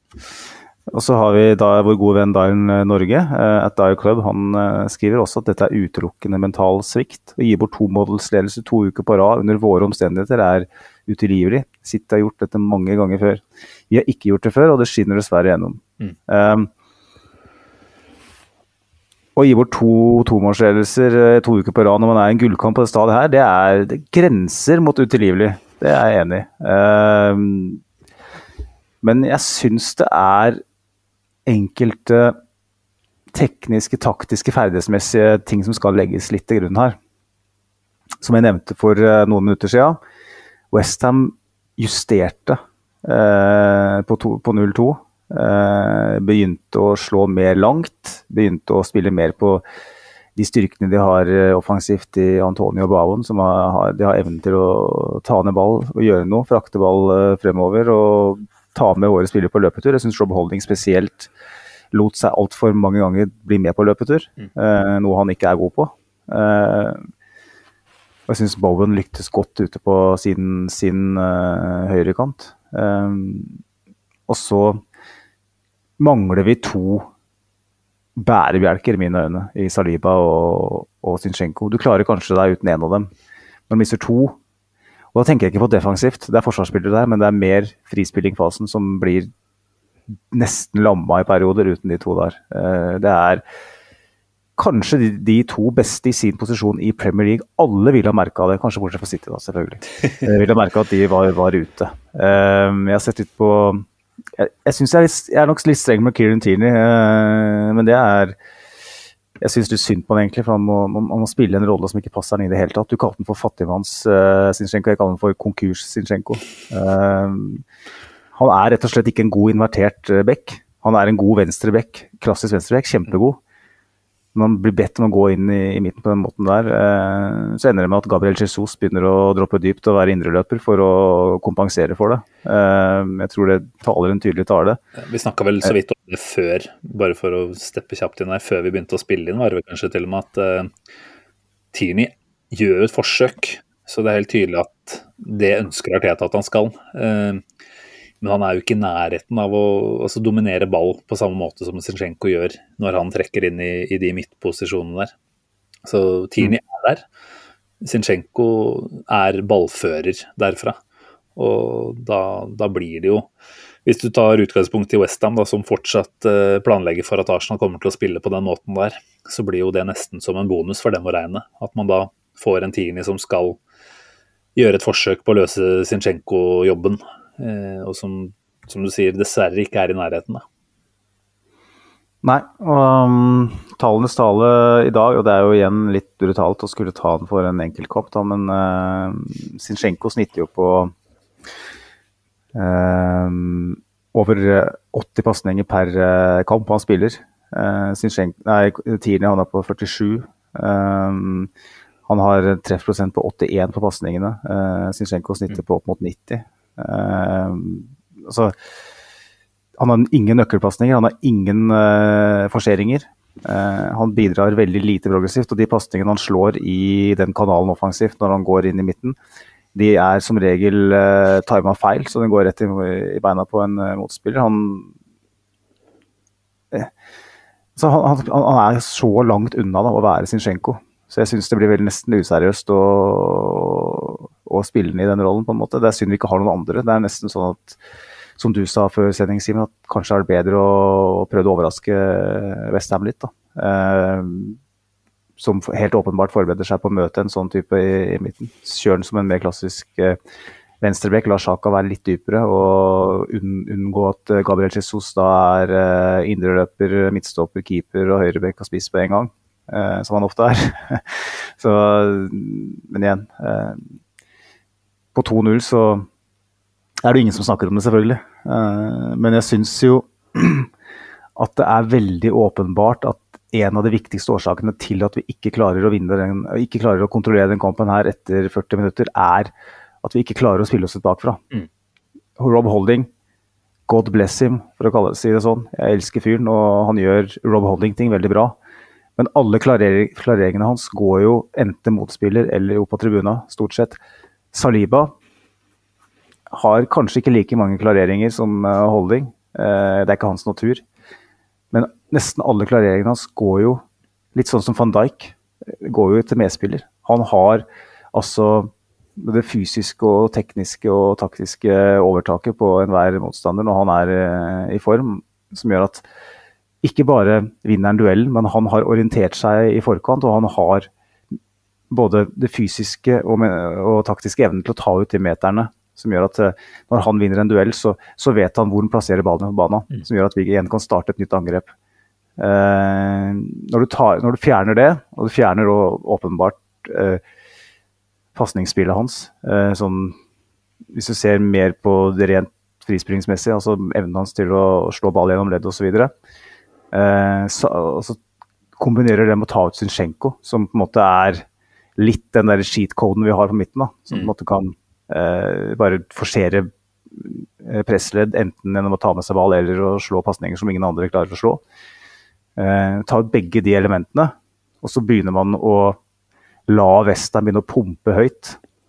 Og hver klarering som blir gjort, havner i Westham-bein eller på tribuna. Eh, hver gang han prøver å spille seg ut, ender med at man står og slår på tvers i forsvaret, og så blir det en lang kule som Westham-stopperen eh, vinner i lufta det er en ganske enkel oppskrift for Westham etter hvert, når, når, vi ikke har de to spillerne. Eh, så jeg tror det handler mer om det enn det mentale mm. i dag, faktisk. Det, det, er sikkert mange som er uenig, men uh, jeg, jeg syns liksom at du, du, kan jo si at det er jo grunnlaget da, for at det eventuelt svikter litt mentalt òg. Altså den tvilen man jo ikke har når man har disse solide ballspillerne.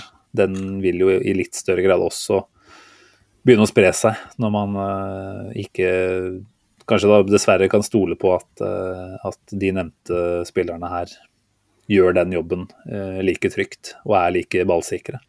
Jeg, jeg, tror det er en kombinasjon av begge deler, men det er jo helt, helt åpenbart at de tekniske ferdighetene her er utgangspunktet da, for, for, at det blir sånn. Jeg trodde vi skulle klare å unngå å vi si, bli seende såpass dårlig ut som vi etter hvert ble da, i den kampen mot Westham. Jeg trodde at vi hadde det i oss. og altså Westham er ikke et fantastisk presslag. Eh, og da burde selv en holding få nødvendig tid eh, i de klareringsforsøkene eh, eh sine på å faktisk finne medspiller. Eh, så det er nok en kombinasjon av at de ikke klarer å gjøre den jobben, og så er det også en midtbane som du er inne på også er litt for svak i gjenvinning i andre baller og tredjeballer. Mm. Eh, nedfallsfrykt er eh, i utgangspunktet Partys eh, store forse. Og noe Zinchenko også kanskje er litt undervurdert på. Eh, veldig god i eh, det Han leser jo spillet veldig godt, ikke sant? så han er jo mm. ofte der ting lander. Eh, føler at vi ja, igjen, kombinasjonen er det hele veien. Da. Det er for dårlig i presisjon, og så er det også litt for lite påskruddhet, kanskje, da, i, i gjenvinningsspillet. Og da blir totalen eh, som den blir. Det er veldig vanskelig å være god i gjenvinningsspill òg, når, når, måten å spille seg ut på er å etter å ha ikke klart å spille seg gjennom første pressledd, er å pumpe den høyt mot spiller mot ballen. Da får du aldri flytta laget ditt etter mm. og skapt det, det, presset som Arsenal er gode på. Og det skjønte jo Westham eh, når den ble tatt på det her mange ganger i, i første omgang. Eh, så jeg syns vi skal gi litt kreditt til, uh, for en gangs skyld til David Moyes òg, eh, for å ha sett det. Og uavhengig av det, åpenbart svakt av Arsenal i dag. Jeg syns vi spiller kjempedårlig i andre omgang, og mm. for så vidt etter 2-0 sånn totalt sett. Um, men um, jeg tror rett og slett at um, Arsenal uten to av de aller viktigste spillerne i, frispillingsfasen borte i Premier League, det er mange hakk ned, altså. Og det, det, må vi ta litt inn over oss, at vi har ikke den bredden enda heller til å tåle å miste halvparten av et så viktig ledd når vi spiller på den måten vi gjør. Um, når, kombinerer, det, kombinerer, du det med at Westham faktisk gjør en ganske god kamp da, etter uh, 0-2, så, så, er det nok til at vi ikke vinner i, i Premier League. Så, målet for Arsenal nå må jo være å komme seg gjennom til sommeren. Uh, enten med et ligagull eller en, en, fantastisk sesong med Champions League-spill i horisonten. Og, og hente inn de breddeholderne, eller ikke eller, Hva er det um, kaller det? Um, impactors. Impactors, ja. Det er det rette ordet. Men vi vil jo helst uh, hente nye førstevalg, omtrent, ikke sant? som skal inn og, og, gjøre den jobben for nåværende førstevalg enda vanskeligere. Det er jo det, ja, ja. det som trengs her. Det, det, er jo, det, er jo, der vi er.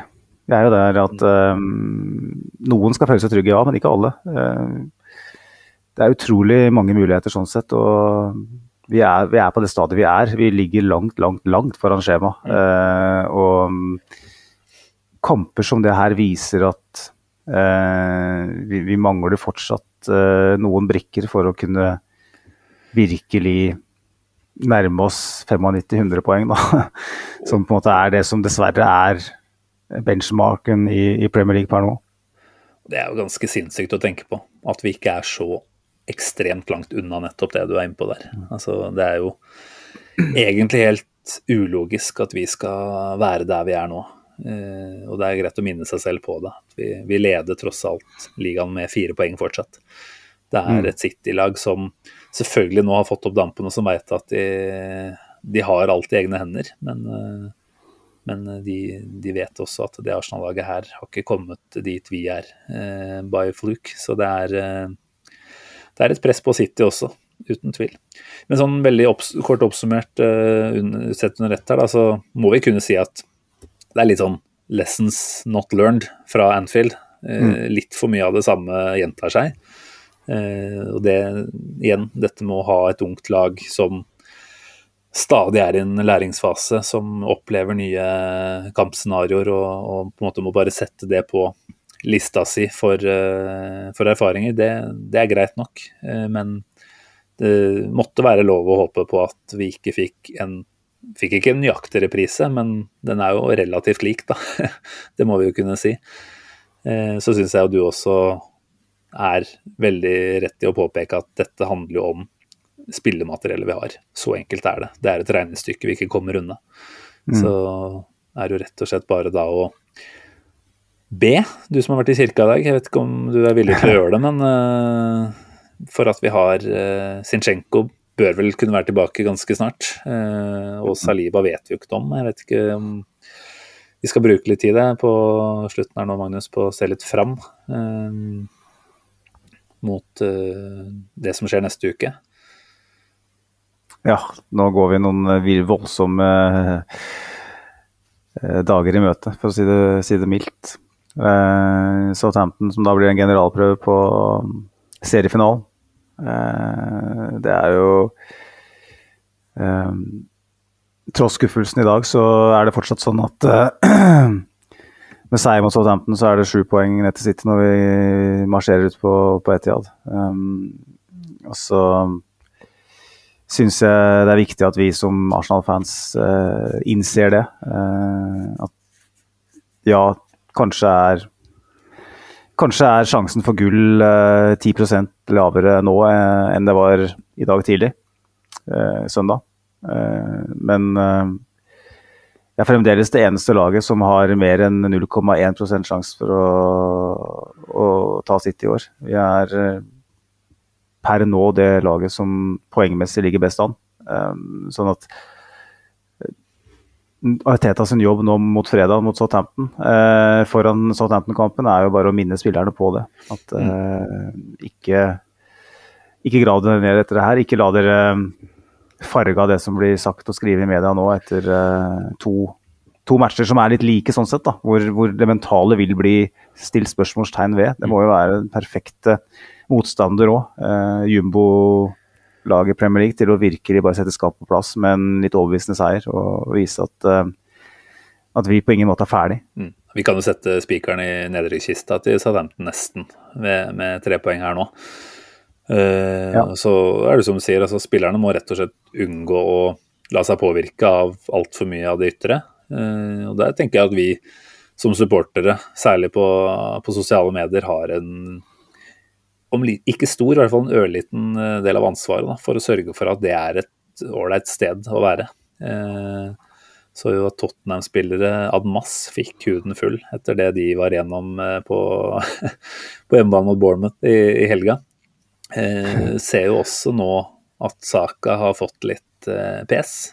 Og én ting er eh, altså seriøs kritikk, men vi ja, vet jo sånn, at ja. det hender jo at folk beveger seg litt uh, og godt forbi det også, dessverre. da. Mm. Jeg tenker at, uh, Ikke at dette er en oppfordring til våre lyttere, for der tipper jeg det er mye fornuft ute og går. Men vi må også klare å holde hodet kaldt som supportere og passe på at vår jobb selvfølgelig er å diskutere og, og være ja, ha meninger eh, og bryte de med hverandre, men at vi også er supportive da, i den måten vi, vi oppmuntrer spillerne på, på bl.a. sosiale medier. Så jeg er ikke bekymra for at eh, det som venter eh, både Saka og resten av gjengen på fredag, er unison støtte fra hele Emirates, med unntak av Bolsvingen, selvfølgelig. Så, så det er nå greit nok. Men uh, la det ikke bli en sånn ørliten giftig greie som får spre seg nå, da. Jeg tror ikke det skjer. Men uh, det er klart det er noen der ute som har, om ikke begynt å innkassere ligagull til Arsenal, så i hvert fall begynt å tro ganske sterkt. Og det er jo den balansegangen vi har snakka om mm. til det kjedsommelige i den podkasten her. At man skal selvfølgelig kunne tillate seg både håpe og tro og til og med leke med tanken og drømme litt om eh, hvordan det skal bli å, å stå på Ashburton Grove og se gjengen eh, feire. Men da må du også tåle å bli skuffa, uten å bli bånn useriøs. Så. Det er vanskelig det, det, det, er Så lenge man på en måte ikke går til eh, personangrep osv., så, videre, så så er det jo lov å ytre seg. Men, og følelsene er sterke. Jeg må jo selv innrømme at jeg hørte på den forrige episoden vår eh, et par dager etter at vi spilte den inn, og syns han karen fra Løten eh, var litt mer negativ enn det som var nødvendig. Eh, det er litt problemet òg, da, Simen. Det er jo faren ved å spille inn samme dag som kamp. Det må vi bare være ærlige på. Det var jo en halv seks-kamp, og vi gikk jo i studio var det en time etter matchen eller noe sånt. Da har ikke jeg roa meg med det, og da har ikke jeg fått Eh, bygd hytte med tepper og stoler og sjokolade og nøtter, liksom. Så da var jeg forbanna som bare rakkeren. Og jeg hørte på meg sjøl og tenkte ro deg litt ned, da. Eh, det er en grunn til at de der mest seriøse podcast, eh, podkasterne der ute, som lever delvis av det, de har jo både en instant reaction og en podkast som spiller inn to dager etter match, hvor de på en måte har reflektert litt over det som skjedde.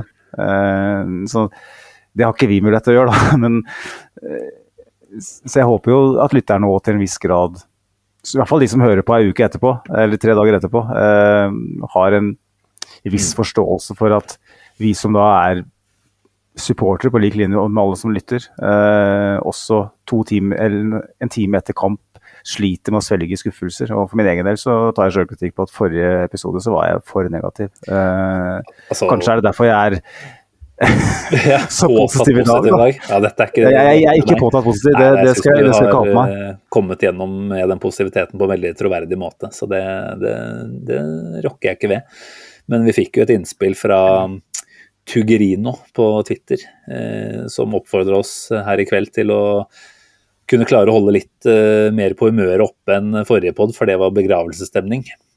Så den selvkritikken, den, den tar vi. Eh, og igjen, det er eh, for egen del sikkert masse å ta selvkritikk på etter hver eneste podprat. Og det er jo en del av dette her gamet, at vi, vi sier mye dumt. Eh, ikke du nødvendigvis, men eh, Jo, jeg sier mye dumt.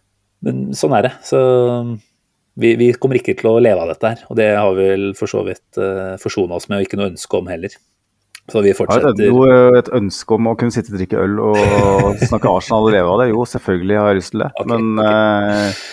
Eh, det er jo helt urealistisk, Simen. Så Eh, vi må jo bare kose oss med den lille stunden hver søndagskveld. Men en liten sånn positiv eh, statusoppdatering på slutten her syns jeg vi skal ta. da, altså Vi snakker jo da, som jeg sa, fire poeng topp uh, på tabellen. Vi har ja, ni kamper nå uten tap. Syv seire. Så er det jo to uten seire på rappen, selvfølgelig, som trekker det bitte litt ned. Men helhetsinntrykket er jo allikevel at etter den City-kampen så har vi respondert til gangs. da. Det var jo ganske mm. mange som da tenkte at dette her er done and dusted, vi kommer ingen vei i år. Og det er greit, vi aksepterer det. Og så har det håpet nå rukket å bygge seg opp over mange uker. Og det at den gjengen her eh, har klart å snekre sammen eh, Hva er det vi har da? 29 poeng på, på 11 kamper. Det er jo intet mindre enn ekstraordinært sterkt i en eh, så avgjørende fase av sesongen som jeg er inne i. Og vi har hatt uh, ørsmå formdupper tidligere denne sesongen her, vel. Uh, eller én. Vi hadde vel én hvor vi gikk to kamper. Var det kanskje tre til og med? Etter hverandre. Det var tre. tre mm. ja. Og det her er jo responsen på nettopp den. den vi har Ikke sant. Så vi får se på dette her som den bitte, bitte, bitte lille formduppen inn mot uh, det som skal bli en herlig avslutning. Sju kamper igjen nå. Mm.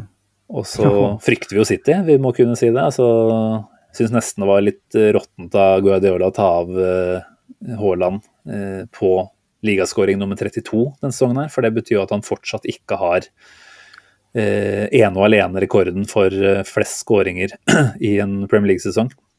Nå er han vel sorry, på samme antall som Sala fikk for noen år tilbake. Mm.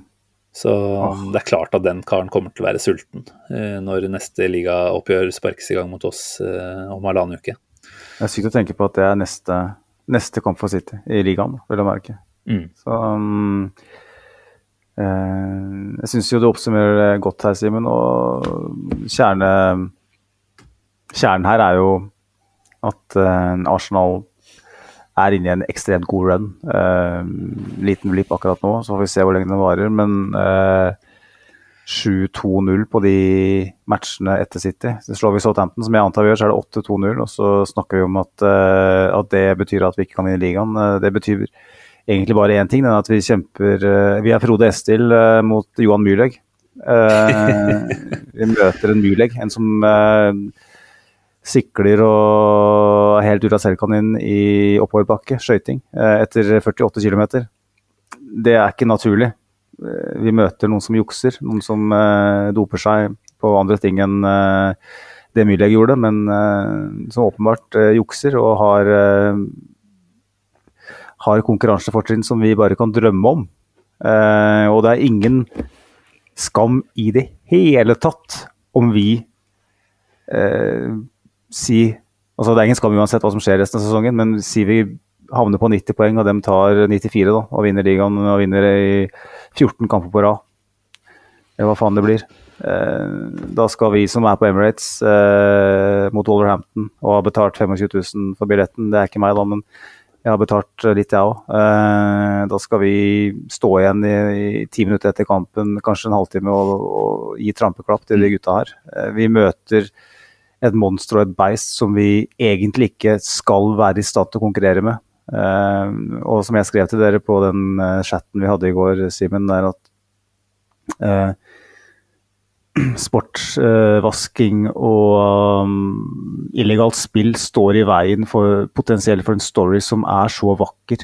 Mm. Som er så god for Premier League og fotballen som helhet. Hvis nedrykkskongen Ramsdale vinner ligagull, hvis Granit Sjaka, som har blitt hudfletta og avskrevet alt alle som kryper og går, vinner eh, et. Hvis det yngste laget i Premier League, som har blitt beskyldt for å være mentalt fragile, senest i, i kveld, vinner ligagull, så er det så uendelig vakkert, da. Mm. Og det er så utrolig trist hvis det derre bleke, kjedelige City-laget, eh, som vi vet ikke har rent mel i posen, skal gå og vinne det ligagullet her, som kanskje kommer det 30 stykker, da halsende litt for sent inn på den paraden i Manchester, så er det en million i, i, i London hvis vi vinner ligagull. vi må Tenk på hvilken mulighet vi har mulighet til å stoppe der fortsatt. Mm. Det, ja, det må jo være motivasjon til Nå må vi bare svelge den skuffelsen her. Jeg vet at jeg var kjempenegativ etter Anfield. Det var kanskje fordi at da, da tenkte jeg kunne innkassere det etter matchen. Det er sikkert litt det det ligger i.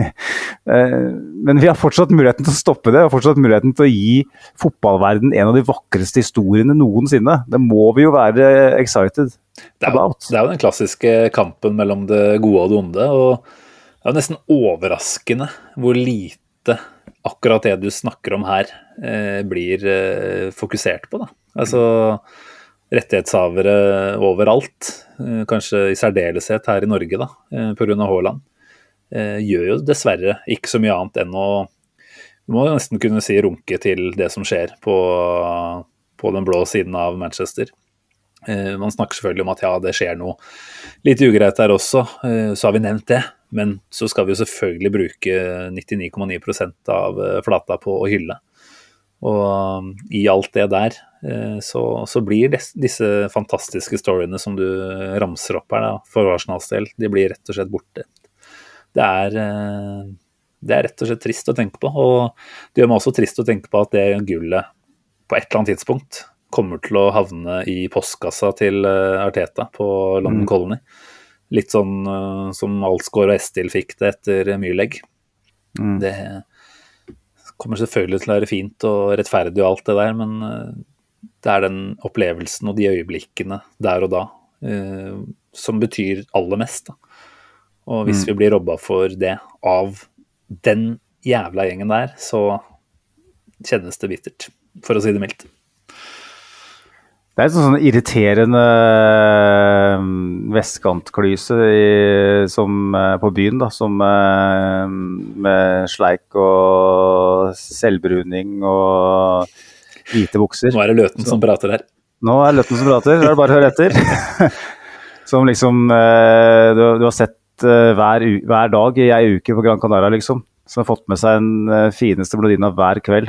Og så er det på dag, kveld seks, liksom, og du er sliten og du har du har liksom i, i beste fall måttet betalt deg uh, inn i samme himmelen. For at du er, uh, du er fra Løten. Du er, uh, nå snakker jeg, dette her er bare en fiktiv historie, bare for å si det. Og så ser du liksom, så får du, kommer det en blondine som er litt interessert i deg. Og så tenker du at ok, endelig er det min tur, liksom. Etter den lange ørkenvandringen. Jeg har buser som vokser ut av nesen, liksom, etter, som jeg ikke får ut, det er så tørt. Jeg har vandra den ørkenen så lenge. Og så kom, og så har du muligheten på å få med den blondina hjem. Og så kommer Westgang-klysa bare. Guardiola, da. Han har ikke hår, vel å merke. Så bare sier at jeg tar den nå, jeg. For at jeg er så jævla grådig. Nå, jeg syns det er dårlig gjort. Nå har de fått nok. Nå er det faen meg vår tur. Det er kanskje den dårligste fotballtaken noensinne, faktisk. Den har jeg hørt den eh, i reprise der. Men eh, jeg føler litt på den måten, da. Som, som han eh, fyren fra traktorbygda. At nå er det Jeg føler at det er litt vår tur, eh, Simen. Jeg føler liksom at Ja. Hvorfor, hvorfor skal altså, Guardiola City legge så jævlig mye i den ligainnspurten her, da? Eh, det? Hvorfor skal de være så sultne nå? Nei, det er jo den jævelen da, på topp som aldri har vunnet Premier League, som ødelegger dette her. Altså Det regnestykket mitt med at eh, Champions League kommer til å bety alt, og Premier League mindre, i hvert fall, det, det går jo ikke helt opp så lenge Haaland aldri har vunnet Premier League før.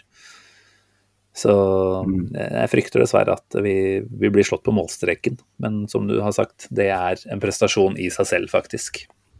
Og det, det skal vi være ekstremt stolte av.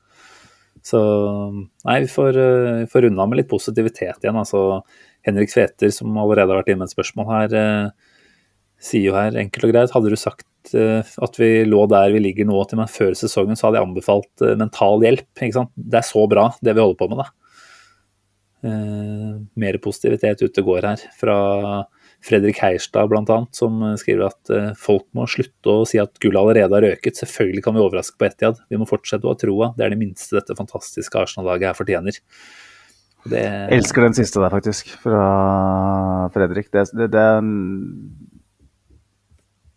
ja. Med par timer etter kamp og, og teppehytte i stua eh, som i mente, så så, så, er det nettopp der man må være. da. det er Man kan ikke vifte med det hvite flagget nå.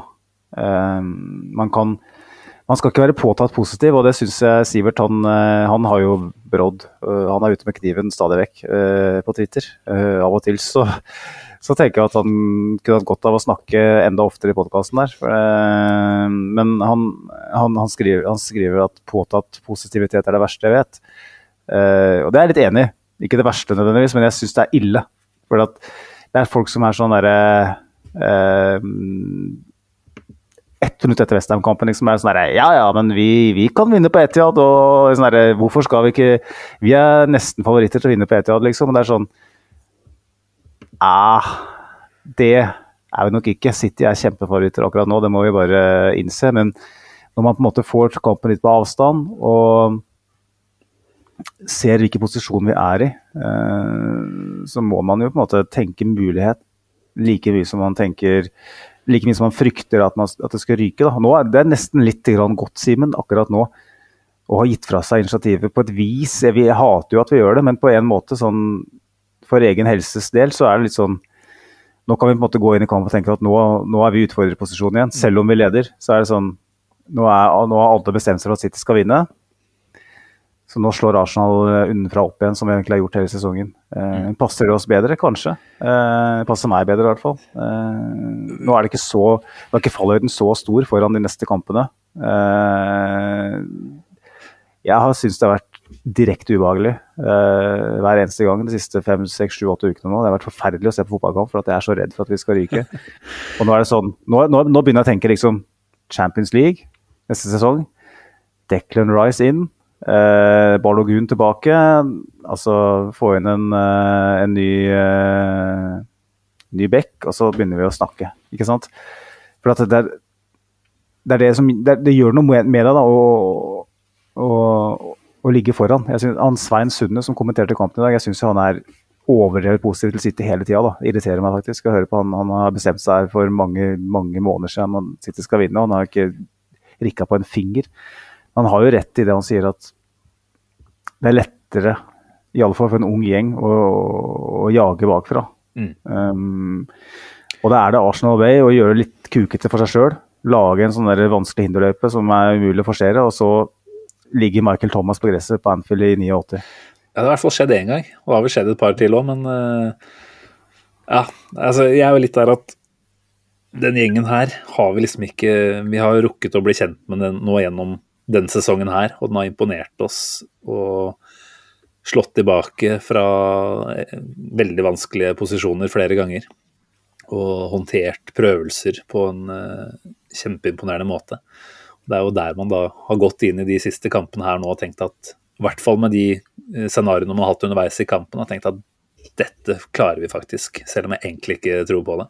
Mm. Så nei, vi er noen jævler på å bygge opp uh, håp og tro for, uh, for, hvordan det skal gå bra. Og så, så, må vi bare akseptere at det er ikke alltid det blir sånn. Jeg tenker at det som skjer denne sesongen her, uh, er uansett med på å gjøre oss sterkere, nesten uavhengig av hvordan det blir inn mot neste sesong. Det var jo mm. de som mente at det som skjedde på tampen av forrige sesong, ville kunne eh, bety at eh, den gjengen var eh, allerede der nesten ferdige. Eh, de, de, skulle ikke videre derfra. Det var en mentalitet som ikke ville ta dem lenger. Nå har man eh, sett beviset på at den motgangen vi opplevde på slutten av forrige sesong, den gjør at vi eh, rett og slett ser ut som ja, i hvert fall ett av to de beste ligaen, lagene i ligaen da, denne sesongen her. Så da kan du bare begynne å og tenke på hva det å eventuelt skulle tape det Premier League-gullet her på målstreken vil gjøre inn mot mm. uh, sommeren og neste sesong. Jeg tror uh, Arteta kommer til å bruke det som brensel inn i, inn i ovnen til høsten. Så det er, det er vinn-vinn alle, alle, veier, dette her. Jeg tror at, uh, at, du er inne på det mest vesentlige her. og um, du har vist at vi at vi fyrer på alle sylindere når vi får et slag i trynet. Uh, og Derfor så syns jeg heller ikke den gjengen der fortjener at vi uh, Jeg var skuffa over det mentale aspektet på Anfield, og det står jeg fortsatt for. på en måte, men, Og skuffa for så vidt i dag òg. Uh, har større grunn til å være skuffa i dag, kanskje òg. men jeg syns ikke den gjengen her fortjener at vi stiller de aller største spørsmålstegnene av mentaliteten. Mm. jeg syns det har vist så mange ganger at de håndterer nedturer og, og, og, motgang, og så er det igjen sånn, en sånn ung gjeng som kommer til å bli eldre sammen, som kommer til å få Han kommer til å leve den drømmen Wenger eh, så inderlig ønsket eh, for 13-14 eh, år siden, når han hadde en ung, ung gjeng som virka å være på vei mot noe helt stort. Og så ble de plukka fra hverandre bit for bit av klubber som City. Den gangen her så tror jeg ikke at spillerne våre blir plukka. Og derfor så tror jeg Pep versus Ariteta er i alle fall neste sesong. Mm.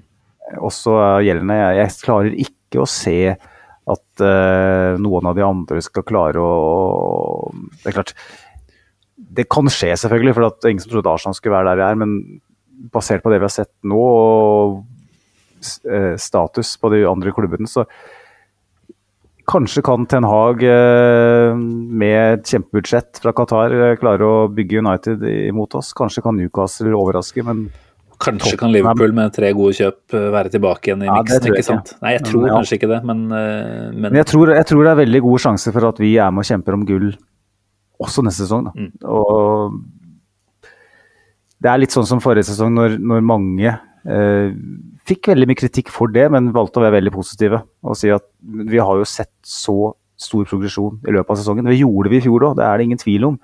Og de som var sterke nok da, eh, eller analytisk gode nok da til å tenke at det her er bare positivt. Vi ser at klubben er på rett vei, vi må bare stå bak det. Eh, hvis vi klarte det i fjor, da klarer så mange, andre, mange flere det i, i år. Um, sånn at um, Kjempeskuffa hvis vi ikke i Premier League, men overall så må vi bare være ekstremt glad ja. for at vi er i den posisjonen. Begge de tingene går an å tenke. Det er egentlig ikke så vanskelig. Altså, dette her er en drøm å være med på. Jeg har sagt det mange ganger nå at det er jo ikke noe annet enn det her man ønsker som fotballsupporter. At hver eneste kamp betyr så mye. og at hver eneste dag eh, opp mot kamp eh, ikke klarer å la være å tenke på det som skal skje i helga, eller, eh, eller midtuka, da, for den saks skyld. Så det er jo dette vi er her for. Og så får vi bare tenke at det her kan gå nå. Det trenger ikke nødvendigvis å gå nå. Det kan fort finne på å bli, bli noe suksess også å spore de neste åra. Eh, så er det jo litt altså, ja. Selvfølgelig, vi, vi, tenker at den eneste måten å måle suksess på er å vinne noe. Og det, det, er jo selvfølgelig det ultimate. Men kommer liksom ikke unna at alle de øyeblikkene som vi begynner å kunne legge på den lista eh, under Arteta nå, eh, er, er, lang da etter hvert. Det er så mye positivt og så mye gode øyeblikk som man har delt eh, med fellow supporters. Og det betyr tross alt mest av alt. Da. Og det å vinne trofeer i fotball er forbeholdt ytterst få fotballklubber. Og mm. da må vi faktisk også stikke fingeren i jorda blant og huske på hva er det vi egentlig driver på med her. Det er den gode opplevelsen der og da. Og selvfølgelig kampbildene gjør at man er misfornøyd med 2-2 de siste to kampene, men hadde de to sett motsatt ut, da, kommet tilbake fra underlege i begge matchene, så hadde vi sannsynligvis og vært relativt eh, godt fornøyde. og kost oss med de opplevelsene og tenkt at det var to kjempeviktige poeng inn i, inn i fighten som er resten av sesongen. Så perspektivene får vi hele veien prøve å minne oss selv på å ha på plass. Utrolig hvordan eh, en uke kan eh, snu på på utgangspunkt. Da. Eh, sånn sett har vi snakka om allerede. Så jeg, jeg husker sjøl at jeg sa at grunnen til at jeg ble så skuffa etter Anfield, var fordi at uh, hva om det er 20 år til neste gang vi får muligheten?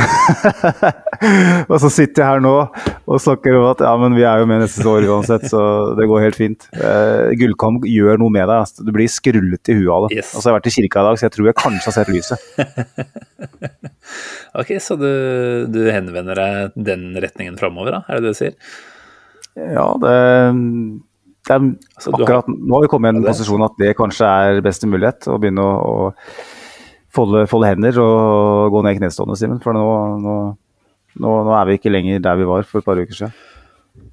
Nei. Nei, du har jo Jeg vet ikke om du har Guds barn, men eh, en fantastisk datter som bygger eh, hytte. Så det er mye godt rundt deg. Så jeg tenker du skal være godt nøyd med, med tingenes tilstand uansett det, Magnus. Ja, vi får gjøre det. Så får folk heller beskylde meg for å ha to personligheter eh, etter, etter episoden her. Eh, som gjelder sikkert ja, Du er jo mye mer stødig enn meg, da. Jeg bare trimmer er- begge de personlighetene dine, altså. Det skal du bare vite. Jeg syns det er mer behagelig å forholde seg til folk med én personlighet, sånn som deg. Magnus Eh, og Maggers. Maggers, ja. Magic blir jeg kalt ofte. Blir alltid ofte. Eh, faktisk, ja. Fortsatt. Det er jo internt, da. Men uh, da er det vel uh, dags for å um, Ta en siste skål. bølgene. Siste skål. Jeg, jeg har jo sittet her og pimpa litt, så jeg kjenner at, eh, at humøret stiger. Foran morgendagens arbeidsdag med alarm klokka halv sju. Blir deilig. Så, Det, det skal du være fornøyd med. Minst opp på kvart på seks. Å, helvete. Foran eh, Altså, neste helg så er det jo fredagskamp. eh, sånn at eh, jeg regner med at jeg er tilbake til vanlig tid likevel. Mm. Som jo kan litt- bety at den kampen ikke er superaktuell, så vi kan jo se om vi finner på noe, noe gøy eventuelt. Sivert er tilbake, det er gøy. Så det, det blir bra, det. Ja, hvis vi vinner, da. Vi får se. Er. Medgangs-Sivert, er det det vi kaller den? Kan hende. Um, så utover det så er det vel egentlig bare å um, minne om uh, andre kanaler hvor vi kan treffes, Simen. Ja. Det er ikke så mange, det, men det er på Twitter og Facebook. Ja, Det er bare å søke opp på den, så finner, finner de oss der. der er vi. På Twitter så kan det være litt kinkig hvis man søker Arsenal Station, så søk at på Arsenal, så er du helt sikker. Sant? Uh, Facebook er jo enkel å finne. Uh, så lik oss, del oss, rate oss, eh, gi oss stjerner. Um, hvis det er, hvis det er eh, færre enn eh, fem, så gi faen. Ellers så er det bare å kjøre på. Enig. Nei, men den er grei. Takk for praten, sjef. Det var eh, strøkent her. Takk det samme, Simen. Det har vært hyggelig, eh, tross elendigheten. Så det Uff. Det er, det er så elendig der. To uavgjort og tabelltopp. Fy faen, så ræva. Oi, oi, oi. Nei, men uh, gleder meg til neste gang. Adios. På gjenhør om ikke altfor lenge. Ha det bra. Ha det, ha det. Hei.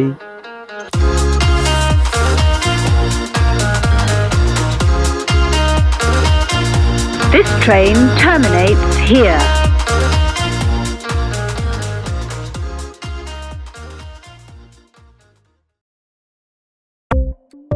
Ukens annonsør er HelloFresh. HelloFresh er verdens ledende matkasseleverandør og kan være redningen i en travel hverdag.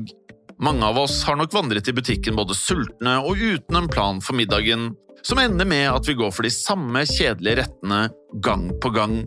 Middag burde være dagens høydepunkt. Som HelloFresh kan du nå velge mellom 25 ulike retter hver eneste uke, eller få HelloFresh til å sette sammen menyen for deg.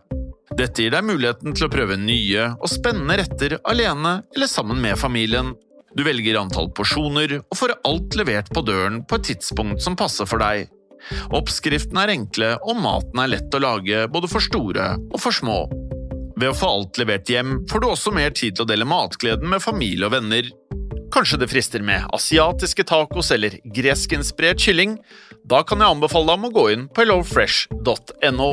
Her kan du bruke koden FOTBALL og få opptil 1779 kroner i rabatt på de første fem matkastene hvis du ikke har prøvd HelloFresh tidligere. Du kan også bruke rabatten hvis du har vært kunde og stoppet abonnementet ditt for tolv måneder siden eller lengre. Gå inn på hellofresh.no og bruk koden FOTBALL. Har du et enkeltpersonforetak eller en liten bedrift? Da er du sikkert lei av å høre meg snakke om hvor enkelt det er med kvitteringer og bilag i fiken, så vi eh, gir oss her, vi. Fordi vi liker enkelt. Fiken superenkelt regnskap.